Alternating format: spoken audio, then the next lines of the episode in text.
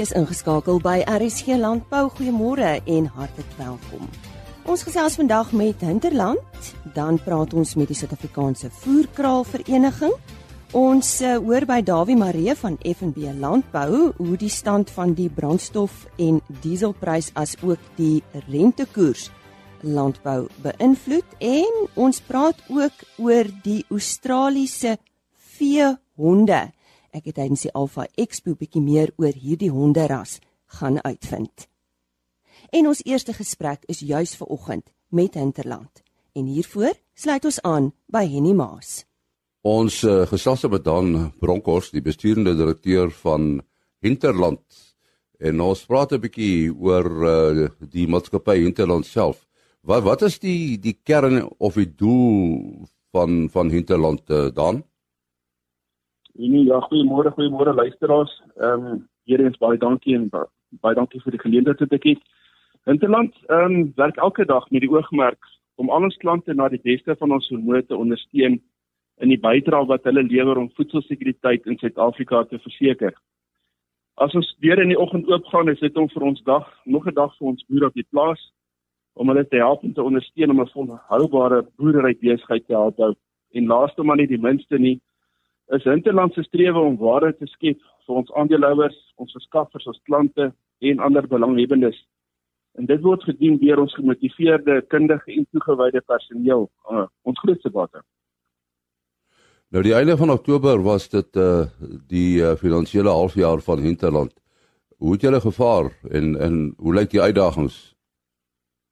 En ons is baie dankbaar. Hinterland het die eerste 6 maande van die jaar wesentlik gepresteer op die winslyn nie teenstaande die ekonomie, die klimaat, die politieke onsekerheid en die onvoorspelbare wisselkoers. Daar was ook gedeeltes van ons bedieningsgebied waar die produsente vir drie opeenvolgende seisoene weens weerpatrone nie die gewenste opbrengs kon produseer nie. En dit het verder druk op kredietverlening en lening terugbetalings geplaas. Die faktor het ook 'n beduidende impak op ons besigheid gehad. En die resultaat is egter behaal deur onder andere ons gefokusde voorraad en beheer en beplanning wat ons in plek gestel het, verskerpte fokus op ons kontroles en uitgawes.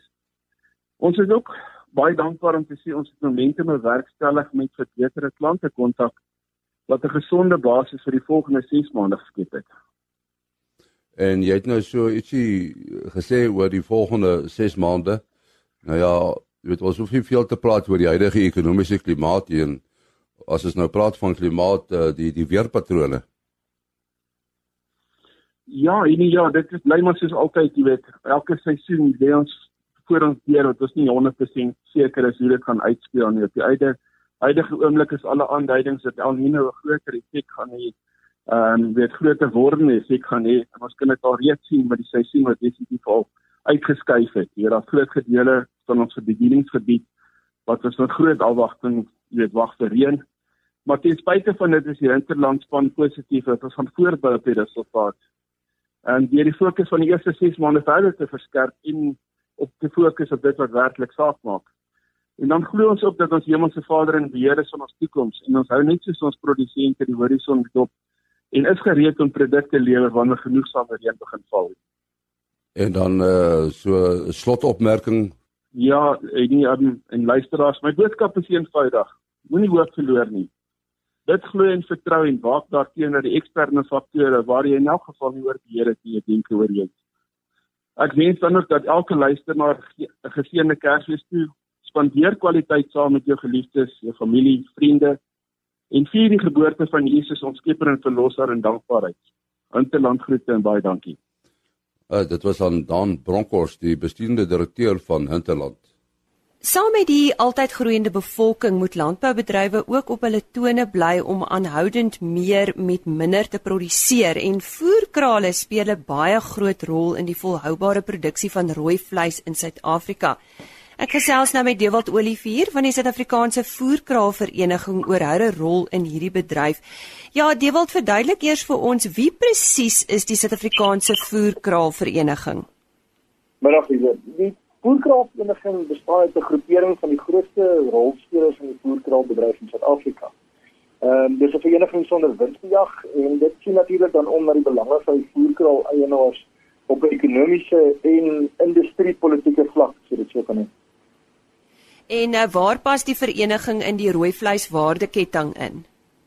Ehm um, die vereniging verteenwoordig voerkraal as 'n belangrike rooi vleisbedryf forum waar alle instansies verteenwoordig word wat betrokke is by die volle waardeketting van die rooi vleisbedryf. En um, die vereniging is een van 13 rolspelers op die rooi vleisbedryfsforum. So, uh, wat is die rol en funksie van hierdie vereniging dan? Maar as ek die sewe belangrikstes wil uitlig, dit verteenwoordig die voerkraalbedryf op alle formele strukture. Um, ons administreer 'n Q-sure wat 'n good management practice is, stelsel vir voerkrale. Um, ons sien om dat hierdie gesondheid en verwante kwessies en regulasies. Uh, ons voorsien lede met relevante binnelandse en internasionale inligting en tendense. Uh, ons bedryf 'n weeklikse en maandelikse databestuurstelsel en ons lewer 'n diens aan die rooi vleis bedryfsforum natuurlik. En dan bied ons ook uh, SETA geakkrediteerde voerkraal opleidingsprogramme vir ons lede aan. Hoe belangrik is doeltreffende samewerking tussen rolspelers vir die rooi vleisbedryf? Dit is uiters belangrik. Uh, die rolspelers het natuurlik almal net een doel voor oë en dit is rooi vleisbemarking en dat daar soveel as moontlik rooi vleis geëet word. So as iemand die bal afval in hierdie waardeketting, dan beïnvloed dit die hele waardeketting. Wat beteken dat dit uiters belangrik is dat almal saamspeel. En wat is volgens jou die huidige kwessies wat in die rooi vleisbedryf aangespreek moet word? Die eerste sal die beskerming wees van ons huidige FMD vrye status in ons land. Uh, voedselveiligheid is natuurlik ook heel bo aan van die belangrikste uh, kwessies. Dan die Wêreldorganisasie vir Dieregesondheid, die OIE, het 'n inspeksie gehad in ons besoek en ons moet natuurlik ook aan aan hulle vereistes voldoen. Uh residue monitering is ook baie hoog op ons lys en die uitbreiding of die uitbreiding van deelname in terme van uitvoer na ander lande.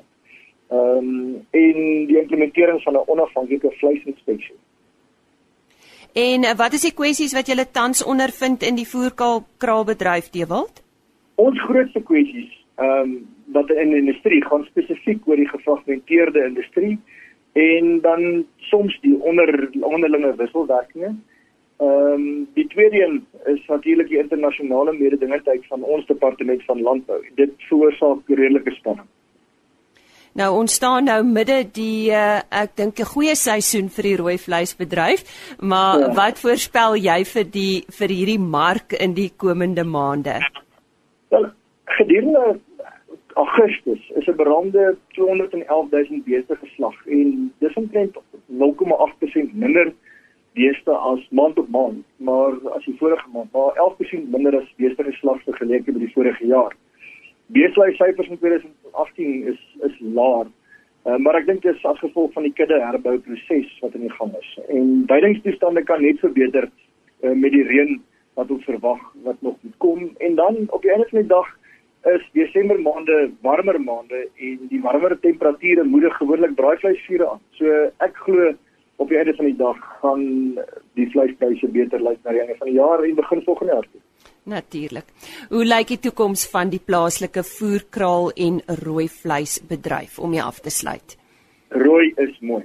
Ehm um, ek dink ons ervaar op hierdie stadium redelik druk van ander proteïenbronne Uh, maar ons is baie baie positief en opgewonde oor die potensiaal van rooi vleis in Suid-Afrika.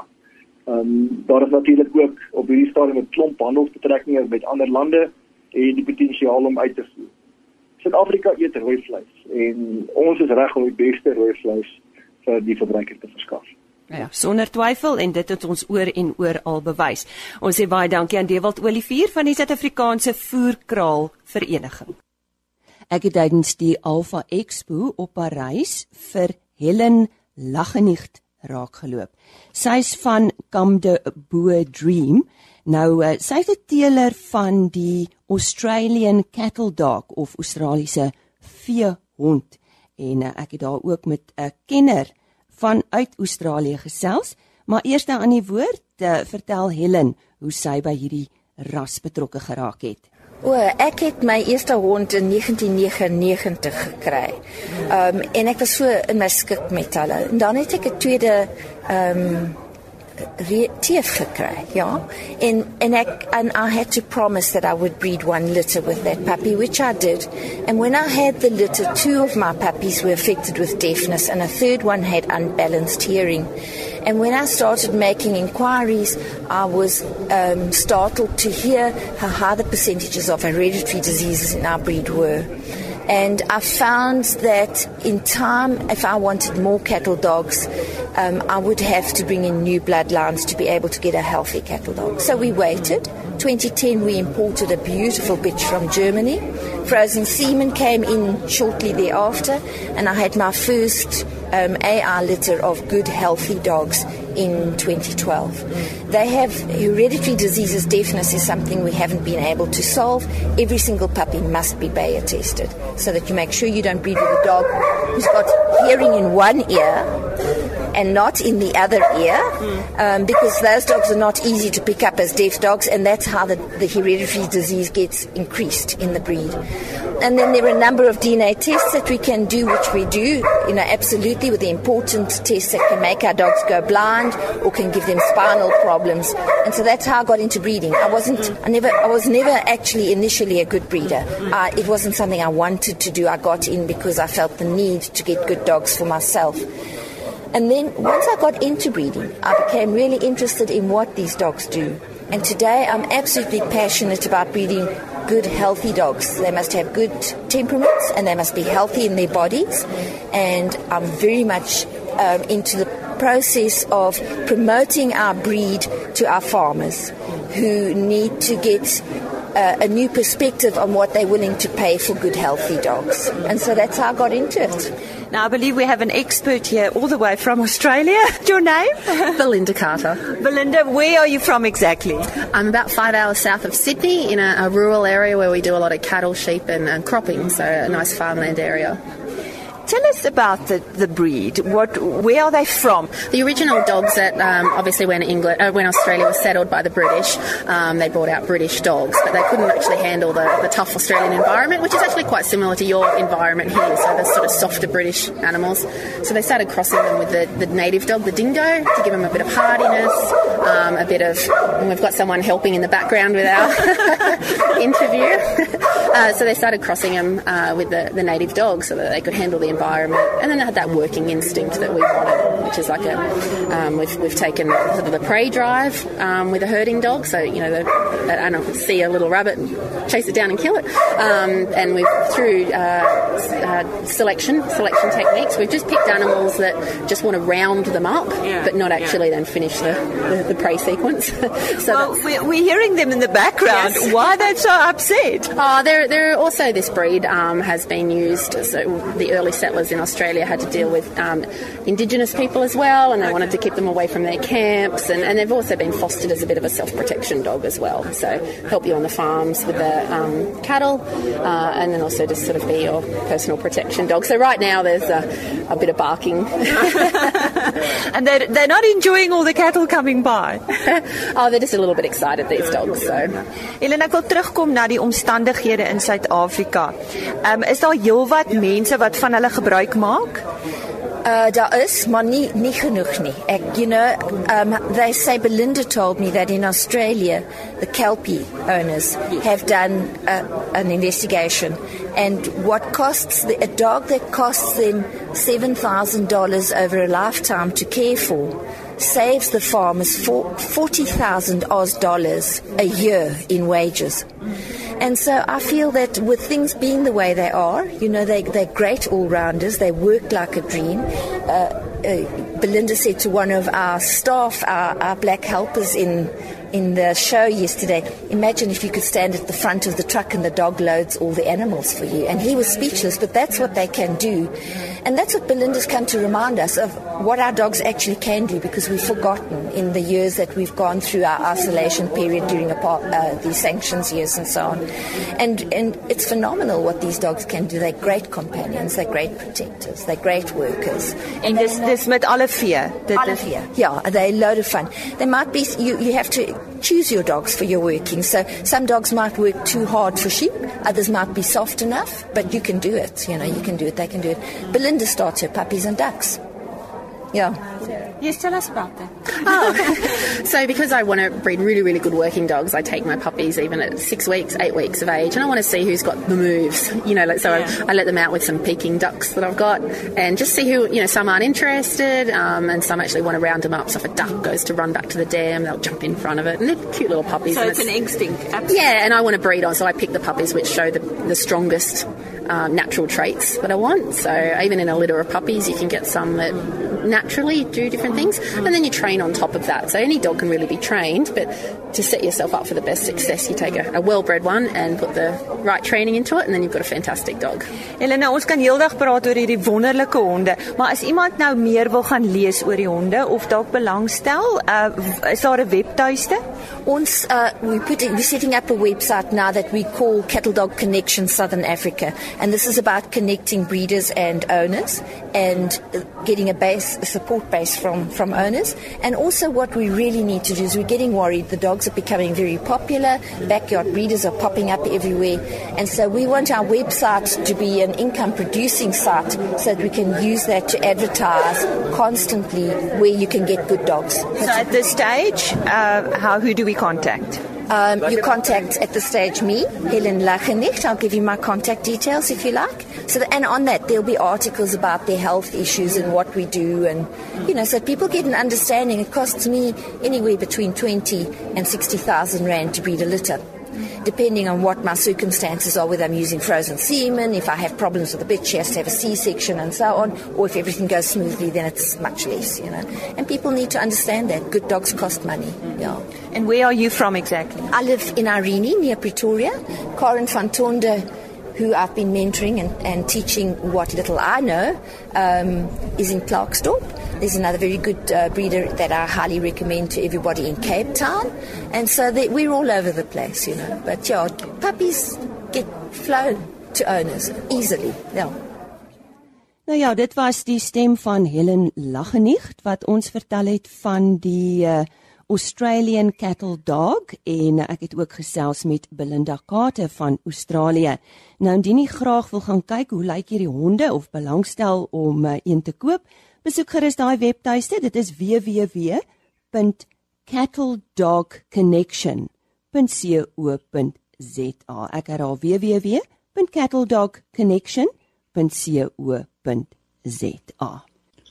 Ons uh, gesels nou met Gawie van Sail van Goudland Bonsmaras en uh die uh stoet is tussen Reddersburg en De Wetsdorp. Uh, een van die uh stoetse bulle is vroeër vanjaar as veeplaas SA Stambok Elite Platinum Bull aangewys en ons praat 'n bietjie met hom oor sy boerdery. Groot vraag natuurlik uh Gawie, hoekom boer jy met Bonsmaras? Nee, toe ek met beeste begin boer het, het my skoonpa vir my gesê rooi beeste is in Afrika een van die populairste beeste. En die Bonsmara per se het 'n uh, deeglike ondersteuning met die genootskap. Dis wetenskaplike ras. Dis 'n ras wat vinnig gegroei het. Dis harde beeste en uh die kombinasie van hierdie feite het dit vir my aantreklik gemaak om die Bonsmaras te boer. Die vraag is waar begin 'n mens om waarde van 'n stoet te vermeerder? Ek dink aanvanklik as 'n mens met 'n beesboerdery begin, besef jy nie een van hierdie goed nie.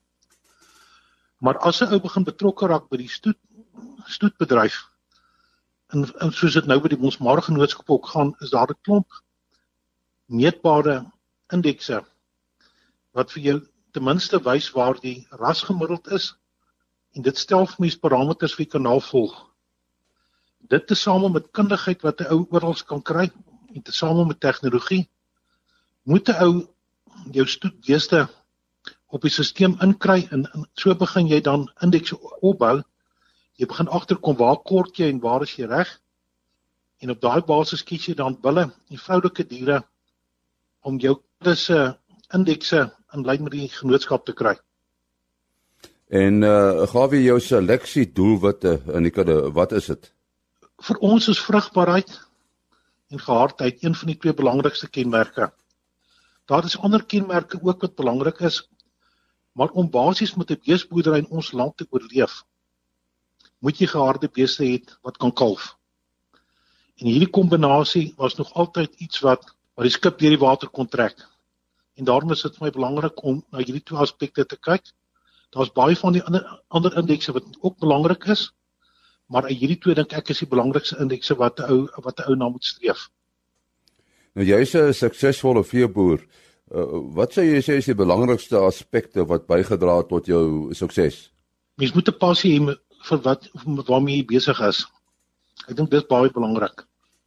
Ek dink jou personeel en die mense wie jy help in die bestuur, jou kundiges, jou selektering van kundiges, jou benutting van die wetenskap, jou benutting van inligting, al hierdie goed bymekaar getel maak van jou 'n goeie of 'n swakker beesboer. En uh ek dink met die liefde wat ek vir die vir die landbou het en, en veral vir die beeste, tesame met hierdie ander goed wat ons kon bykry, het my baie gehelp om my kudde te kry waar hy nou is. En en hoe hanteer jy jou werkers? Ons werkers probeer ons oplei. Ons probeer 'n uh, baie streng bestuurstyl handhaaf. Dit beteken dis of reg of verkeerd. Ehm um, ons probeer mense reg help waar hulle verkeerd doen. Maar ouens moet ook verantwoordelikheid neem. En uh, omdat ek heeltyd my hele lewe lank nog gedeeltydse boer is, het ek baie deurgangs baie staat gemaak op op my personeel en ook vir die mense wat my gehelp het met bestuur van die kudde. En ek dink die hele kwessie rondom bestuur van jou personeel, jou verhouding met die mense, jou saamwerk met die mense, die opleiding van jou mense is is uh, ek dink is baie belangrik in, in enige besigheid soos ek spies. So jy praat nou van 'n besigheid, uh, bemarking is eh, 'n uh, belangrike deel van 'n besigheid. Hoe bemark jy jou bonsmaras toe? vir ek dink ons het 5 of 6 jaar het ons saam met 'n paar ander teelers produksieveilings gehou. Laas jaar het ons die veiling oorgeslaan as gevolg van die droogte wat ons het eintlik nie vee gehad om te verkoop nie. Jy weet die droogte het ou se kudde uitgedan. En uh, hierdie jaar het ek toe nou vir die eerste keer half begin om bulle en verse sommer uit die hand te verkoop om te bemark. Ehm uh, ek stem saam, bemarking. Ek wil amper sê van bemarking en finansiële bestuur aan enige besigheid, maar selfs in die in die in die beesboerdery is krities belangrik. Want dit help nie sit met die beste goed niemand weet daarvan nie. So ou moet bemark, daar's baie mediums wat deur ou kan bemark, maar ek dink deur volhoubaar kwaliteit te, te voorsien aan die mark is is baie belangrik. Uh die meeste van my bulle hierdie jaar is gekoop deur groot kommersiële boere. Dis ouens wat al van tevore bulle gekoop het en dis mense wat die gehardheid en vrugbaarheid en die kwaliteit van ons ons van ons uh ons bulle en ons vroulike diere ken. So volhoubare voorsiening van kwaliteit dink ek is baie belangrik. Ons sê baie dankie aan Gawie van Sail van Goudland Bonsmaras. Volgende gesels ek met Dawie Marie, hy is hoof van kommunikasie en bemarking by FNB Landbou. Ons praat so 'n bietjie oor die uh, brandstof en dieselprys as ook die rentekoers. Goeiemôre Lise. Ja, die brandstofprys en dan met daarmee saam ook sommer nog die rentekoers het natuurlik 'n 'n wesenlike effek op die op die land se ekonomie. Uh buitenbehalwe natuurlik op ons verbruikers wat ons direk in ons sakke voel. Ehm um, is daar 'n paar effekte wat die wat die brandstofprys uh in die ekonomie in ook bring. Ons noem dit maar die tweede ronde effek.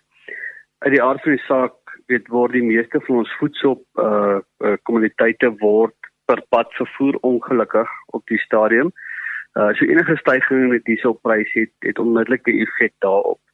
Nou hierdie effekte kom gewoonlik eers so 2, 3 maande wat dit vat uh voordat dit deurspoel in die mark in. En as ons nou onthou ons het hierdie jaar nou reeds uh 6 agtereenvolgende brandstofprysverhogings gehad. Um en sien so daar was hy of konstant gehou of of hy daar 'n bietjie afgekom. Maar ek dink die netto effek was dat ons wel 'n uh, wesenlike stygings hierdie jaar in ons in ons brandstofkoste gehad het. Nou dit voel net vloei natuurlik deur na die inflasie syfer toe. Uh en ons sien dit in ons produsenteprysindeks en dan nou ook stelselmatig kom dit deur op verbruikersprysindekse. Nou die koppeling daarmee natuurlik met die rentekoers is dat die Reservebank se monetêre beleidskomitee uh uh teiken natuurlik inflasie. Ons het daai inflasieband van 3 tot 6% waarbinne die inflasiekoers uh, gehandhaaf moet word. Uh, en op die stadium lyk dit of ons het, of ons opwaarts beweeg in daardie in daardie band in.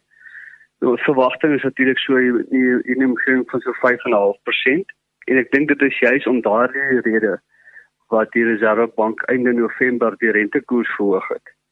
Nou op die rug van die van die hoër brandstofkoste en natuurlik dan nog die die rentekoersverhoging maak dit die besteedbare inkomste uh vir beide die produsent en die verbruiker uh, uh beperkte daardie besteedbare inkomste.